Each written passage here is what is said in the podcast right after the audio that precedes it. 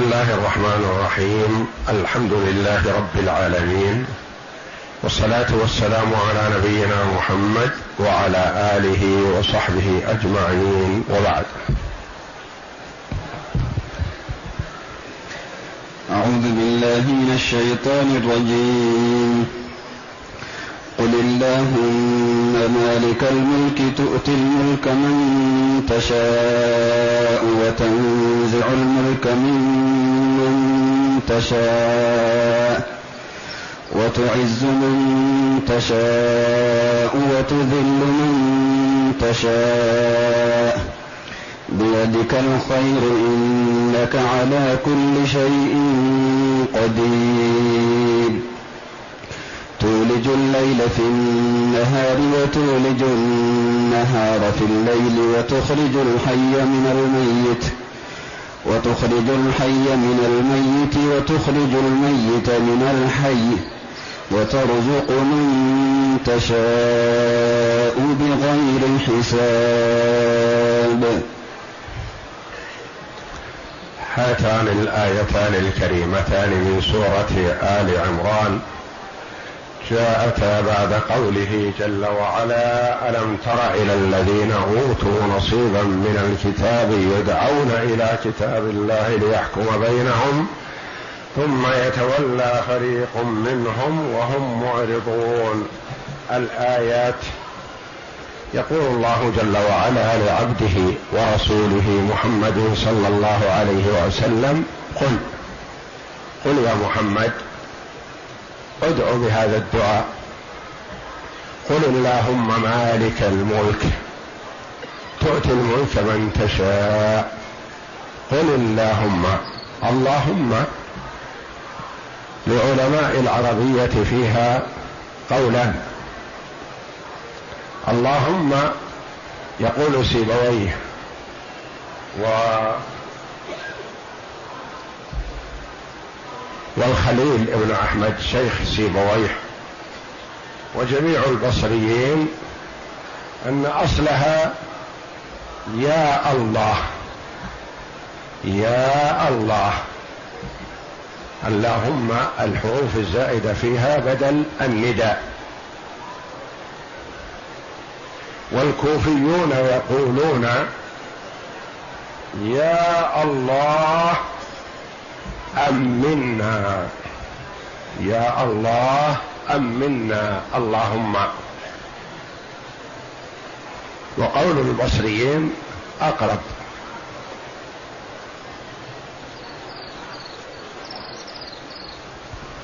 وقال بعض العلماء رحمهم الله من قال اللهم فقد دعا الله بجميع أسمائه. من قال يا من قال اللهم فقد دعا الله بجميع أسمائه. اللهم يا الله أو يا اللهم يا الله أو يا الله امنا قيل في سبب نزولها أن المنافقين قالوا إن محمدا يزعم أنه سيتولى وسيستولي على ملك كسرى وقيصر وهؤلاء عندهم من القوة والغلبة والمنعة والعزة ما يعجز عنه محمد وصحبه. يعني عندهم أن هذا شبه مستحيل أن محمدا في المدينة يستولي على ملك كسرى وقيصر الفرس والروم.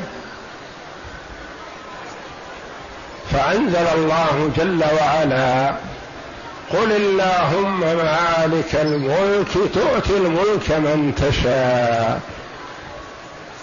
فالله جل وعلا يعطي الملك والسيطرة والغلبة من شاء. وإن كان في أول الأمر ضعيف وقليل العدة وقليل العدد ونحو ذلك لأن الأمور بيد الله جل وعلا فهو المتصرف في الكون هو المتصرف وحده. قل اللهم مالك الملك تؤتي الملك من تشاء. فهو إذا شاء جل وعلا ملك من ليس بمالك وأعطى من لا شيء عنده. وإذا شاء جل وعلا سلب الملك من المالك.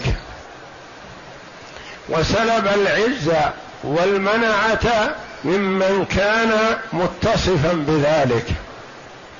فكثيرا ما يكون عزيزا في قوم فإذا به بين عشية وضحاها يكون مكبل بالقيود وراء أسوار السجون.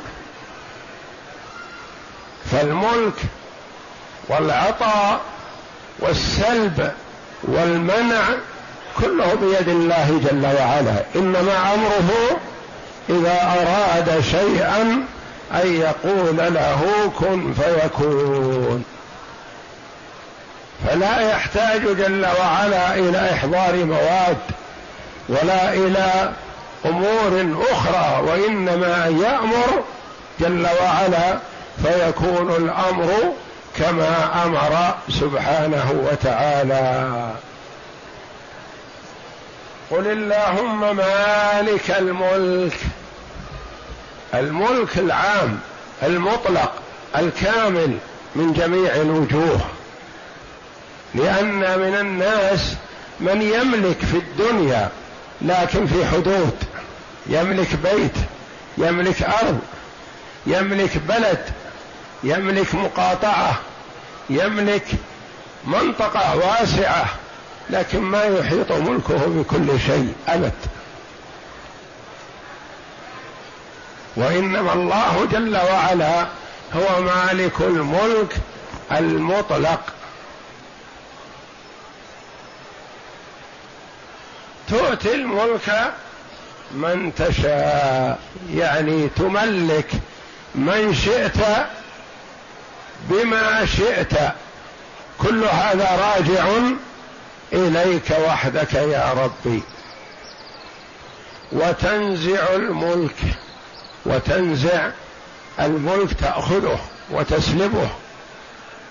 من كان مالك تنزع الملك من يده إذا شئت. وتنزع الملك ممن تشاء. إذا شئت نزع الملك منه لا ينفعه جند ولا أعوان ولا وجهاء ما يستفيد من شيء أبدا. وتعز من تشاء. تعز من تشاء. تعرفه ذليل يختفي من الناس مطارد. فإذا به بين وقت وآخر وإذا هو الآمر الناهي المخوف المرهوب من الناس كلهم أو ممن يتصل به. وتعز من تشاء العزة القوة والغلبة والسيطرة. وتذل من تشاء. إذا أردت يا ربي من كان ذلي من كان عزيزا أصبته بالذل والحرمان. بيدك الخير إنك على كل شيء قدير. بيدك الخير. انتبه. بيدك الخير. والشر ليس إليك. قد يقول بعض الناس أو بعض المفسرين بيدك الخير والشر. وهذا غير مناسب ادبا مع الله جل وعلا. ولم يرد في الكتاب ولا في السنة بيدك الخير والشر. وإنما بيدك الخير. اولا أن الخير تفضل وعطاء وجود وكرم فهو من الله سبحانه وتعالى. الإنسان ما يستحق الخير لذاته إلا بفضل من الله جل وعلا. فهو بيد الله جل وعلا يعطيه من شاء. بيدك الخير. ولم يقل جل وعلا بيدك الخير والشر. ولم يقل النبي صلى الله عليه وسلم في دعائه بيدك الخير والشر. وإنما قال والشر ليس إليك. اذا فالشر لا ينسب إلى الله جل وعلا اسما ولا صفة ولا فعل. ما يقال الله فاعل الشر.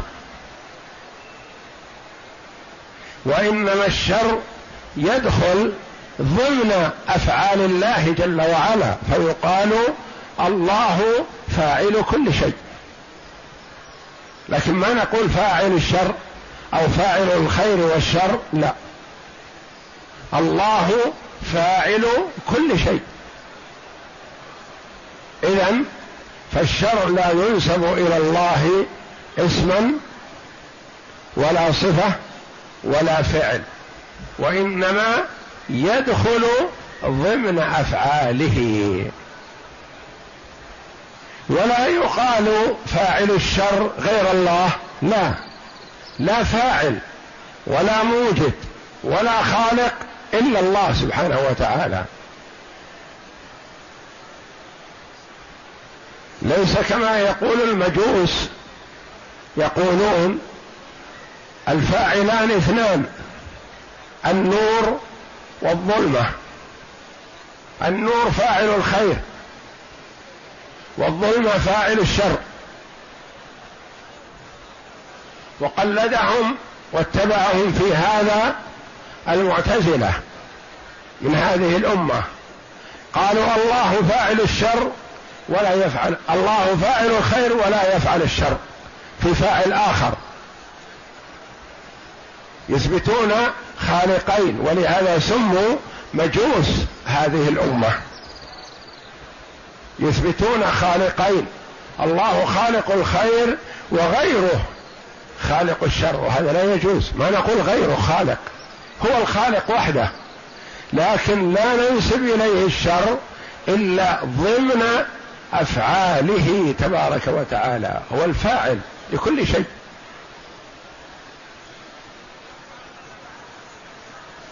والنبي صلى الله عليه وسلم حينما دعا قال والشر ليس إليك. والله جل وعلا يقول في هذه الآية بيدك الخير ولا يجوز أن نقول بيدك الخير والشر.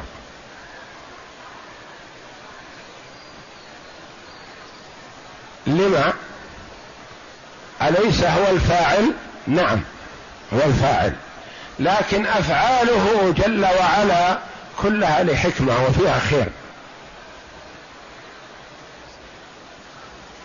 فهو بجانب حق الله جل وعلا وبصدوره من الله جل وعلا خير.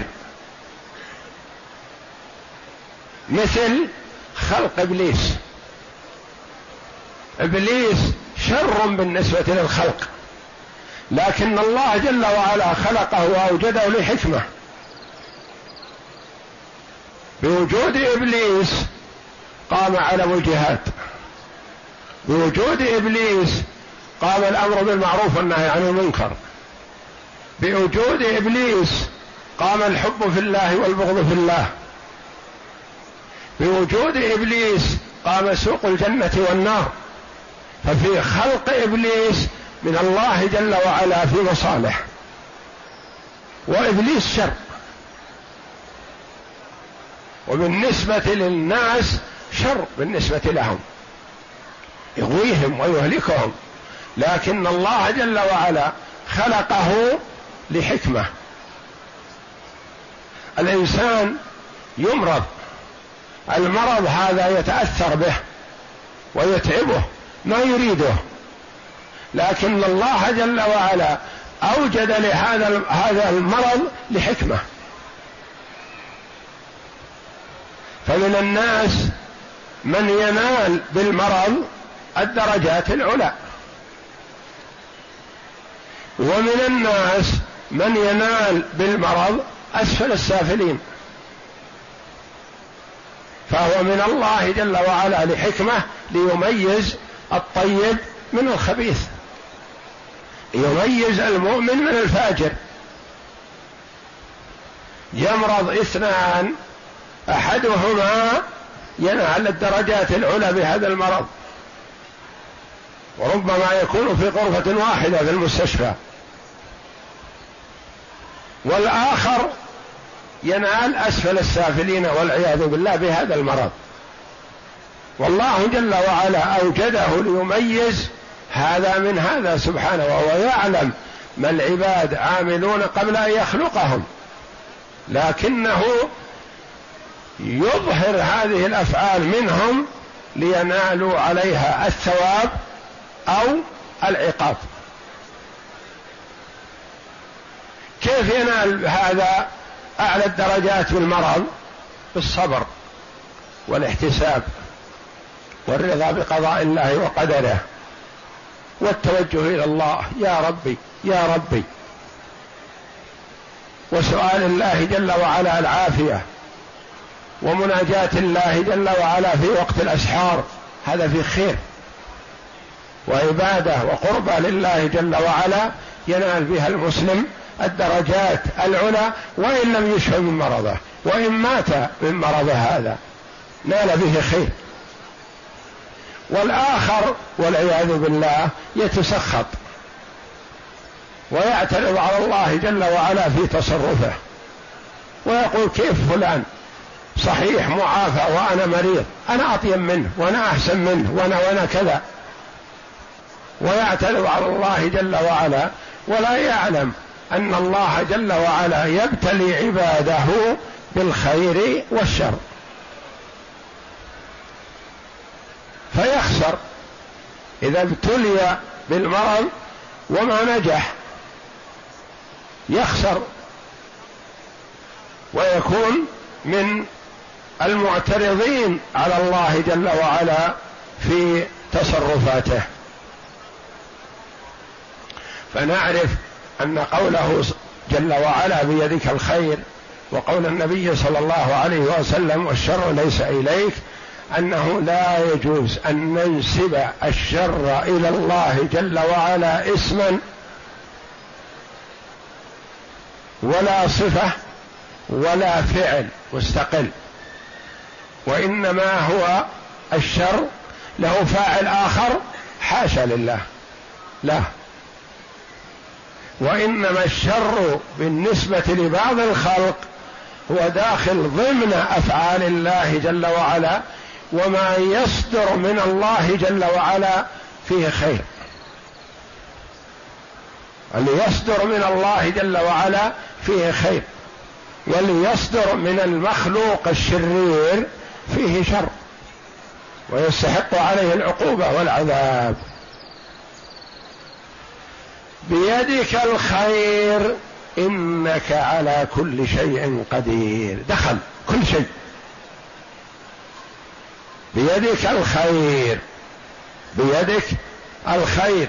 إنك على كل شيء قدير. على الخير والشر وعلى كل شيء. ما يصدر في الوجود إلا وهو منك وأنك قادر عليه. إنك على كل شيء قدير. وفي إثبات صفة القدرة لله جل وعلا.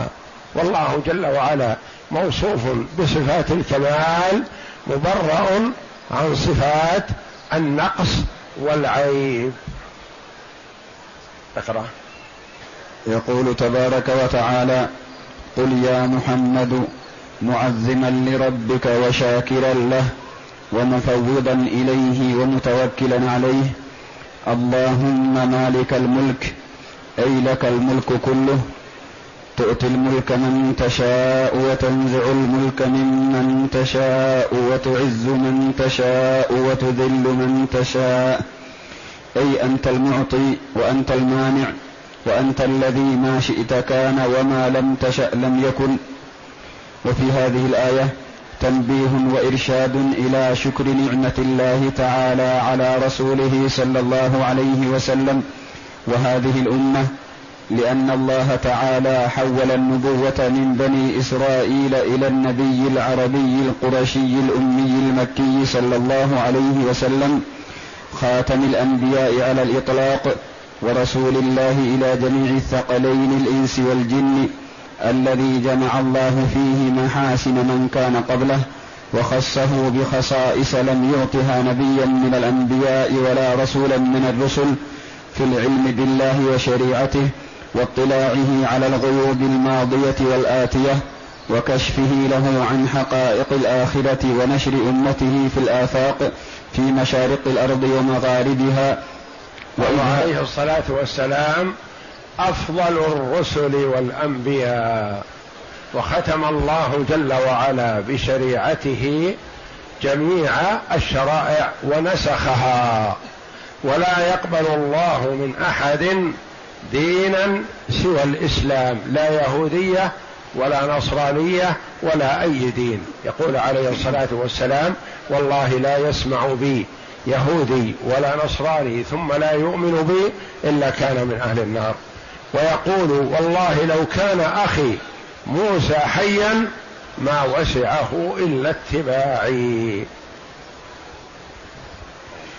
يقول عبد الله بن عباس رضي الله عنهما اسم الله الأعظم في قوله تعالى قل اللهم مالك الملك تؤتي الملك من تشاء. الآية إلى قوله ترزق من تشاء بغير حساب.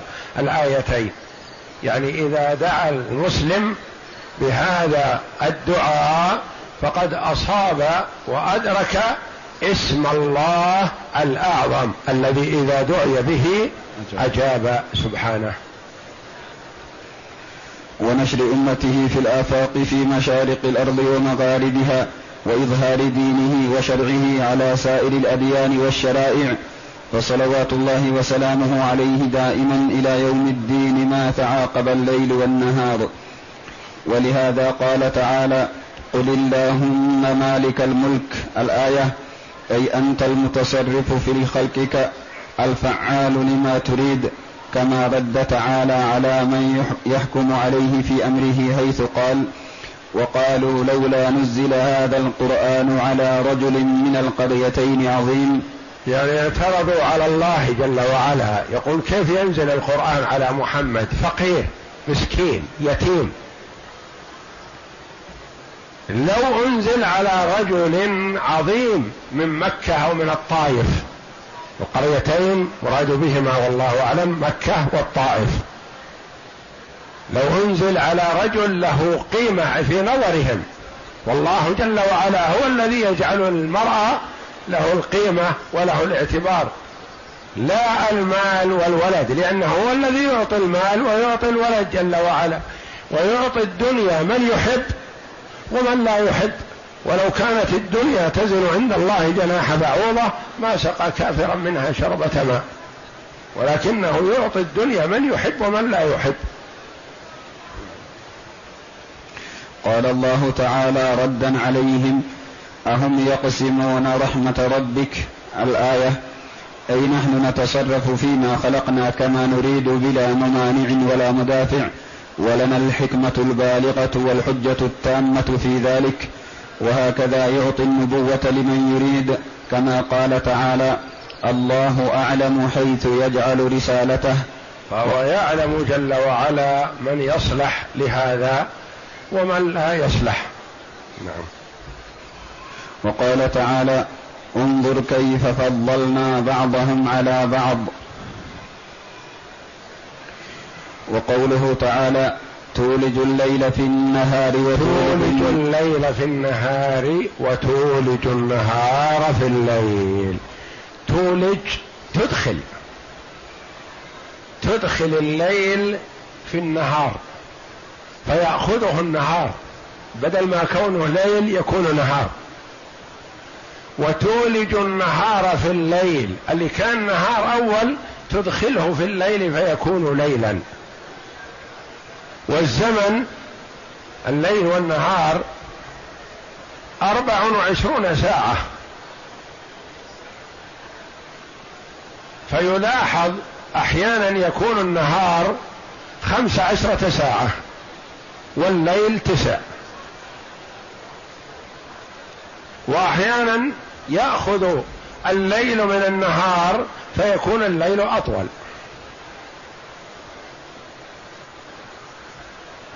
وهذا فيه إظهار كمال قدرة الله جل وعلا على تصريف الأحوال. كما أنه المتصرف في العقلاء الجن والإنس والثقلين والملائكة وغيرهم هو متصرف كذلك في الوجود في الشمس والقمر. وذلك لمصالح العباد في معاشهم وحروثهم ودوابهم. لو كان الليل والنهار سوا ما حصلت كثير من المصالح. ولهذا أنواع من النباتات تبذر وتنمو في الشتاء وأنواع في الصيف وأنواع ما تنمو في الصيف ولا تصلح وأنواع ما تنمو ولا تصلح في الشتاء. مصلحه العباد أن الله جل وعلا نوع وأدخل بعض الوقت في بعض. ده أدخل جزءا من النهار في الليل ثم أدخل جزءا من الليل في النهار.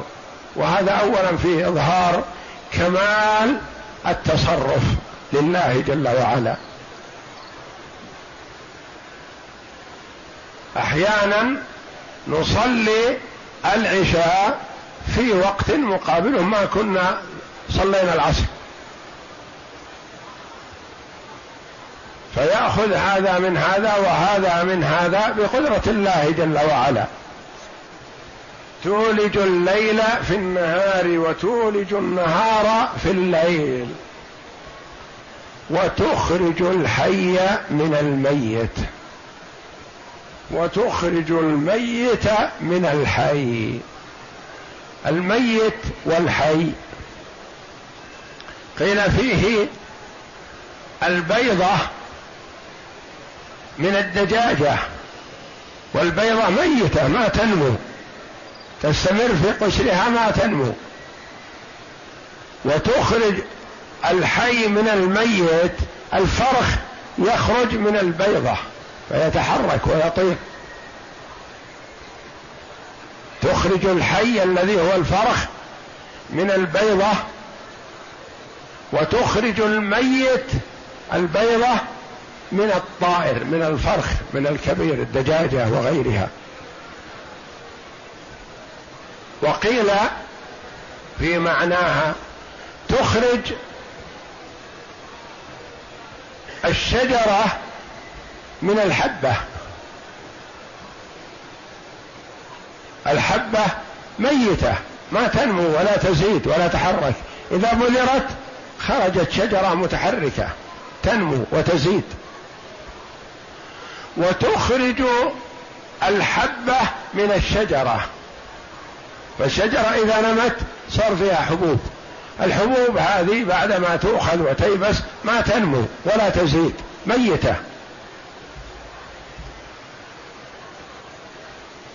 وقيل في معناها تخرج المؤمن من الكافر. وتخرج الكافر من المؤمن. فالمؤمن حي أو من كان ميتا فأحييناه وجعلنا له نورا يمشي به في الناس. فالمؤمن بمنزلة الحي والكافر بمنزلة الميت. والعياذ بالله. دخلت خالدة بنت الأسود ابن عبد يغوث على النبي صلى الله عليه وسلم. فقال النبي صلى الله عليه وسلم من هذه؟ قالوا هذه خالدة بنت الأسود ابن عبد يغوث. قال عليه الصلاة والسلام يخرج الحي من الميت. يعني هي امرأة صالحة يعرفها عليه الصلاة والسلام. بس ما يدري حينما دخلت عليه من هي. لما قيل له هذه فلانة عرفها. يخرج الحي من الميت. هي امرأة صالحة وأبوها كافر. عدو للنبي صلى الله عليه وسلم. يعرفه عليه الصلاة والسلام وآذاه. قال سبحان الذي يخرج الحي من الميت. وكانت امرأة صالحة. وتخرج الميت من الحي. ابن نوح الذي قال سآوي إلى جبل يعصمني من الماء منين هو؟ أبوه نوح عليه السلام أبو الأنبياء وأبو الخلق بعده أبو الجن وأبو الإنس عليه الصلاة والسلام. لأن الله أهلك من على وجه الأرض بالطوفان ولم يبق إلا ذرية نوح. فأبوه من أولي العزم من الرسل عليهم الصلاة والسلام وهو الكافر الفاجر.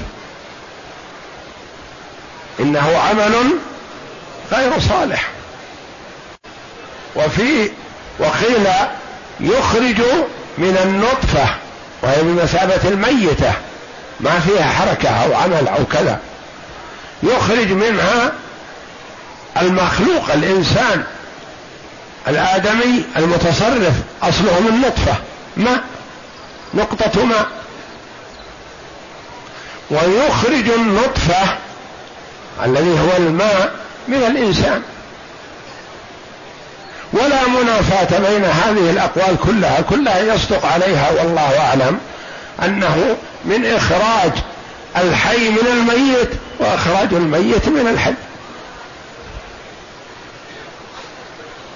وترزق من تشاء بغير حساب.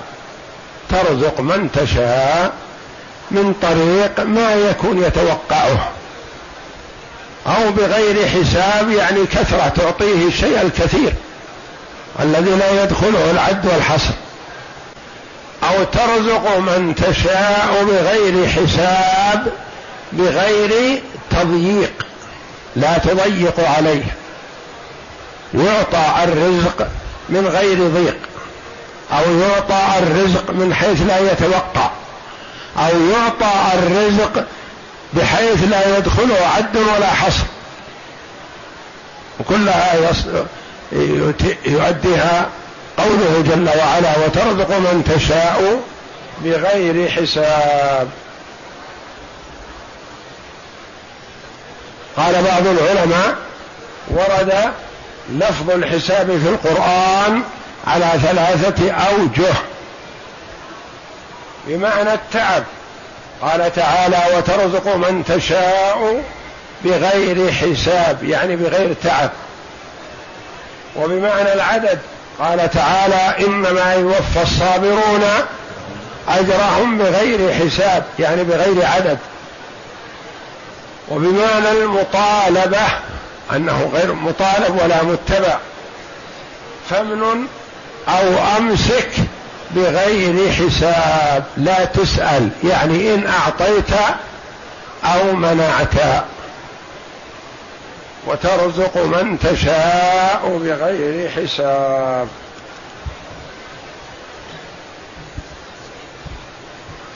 اقرأ. وقوله تعالى تولج الليل في النهار وتولج النهار في الليل. أي تأخذ من طول هذا فتزيد فتزيده في كسر هذا فيعتدلان ثم تأخذ من هذا في هذا فيتفاوتان. ثم يعتدلان. وهكذا في فصول السنة ربيعا وسيفا وخريفا وشتاء. وقوله تعالى وتخرج الحي من الميت وتخرج الميت من الحي أي تخرج الزرع من الحب والحب من الزرع والنخلة من النواة والنواة من النخلة والمؤمن من الكافر والكافر من المؤمن والدجاجة من البيضة والبيضة من الدجاجة وما جرى هذا المجرى من جميع الأشياء. وترزق من تشاء بغير حساب أي تعطي من شئت من المال ما لا يعد ولا يقدر على إحصائه وتقتر على تقتر على آخرين لما لك في ذلك من الحكمة والإرادة والمشيئة والعدل. قال الطبراني عن حديث ابن عباس رضي الله عنهما عن النبي صلى الله عليه وسلم قال اسم الله الأعظم الذي إذا دعي به أجاب في هذه الآية من آل عمران. قل اللهم مالك الملك تؤتي الملك من تشاء وتنزع الملك ممن تشاء وتعز من تشاء وتذل من تشاء. بيدك الخير انك على كل شيء قدير. والله اعلم. وصلى الله وسلم وبارك على عبده ورسول نبينا محمد وعلى اله وصحبه اجمعين.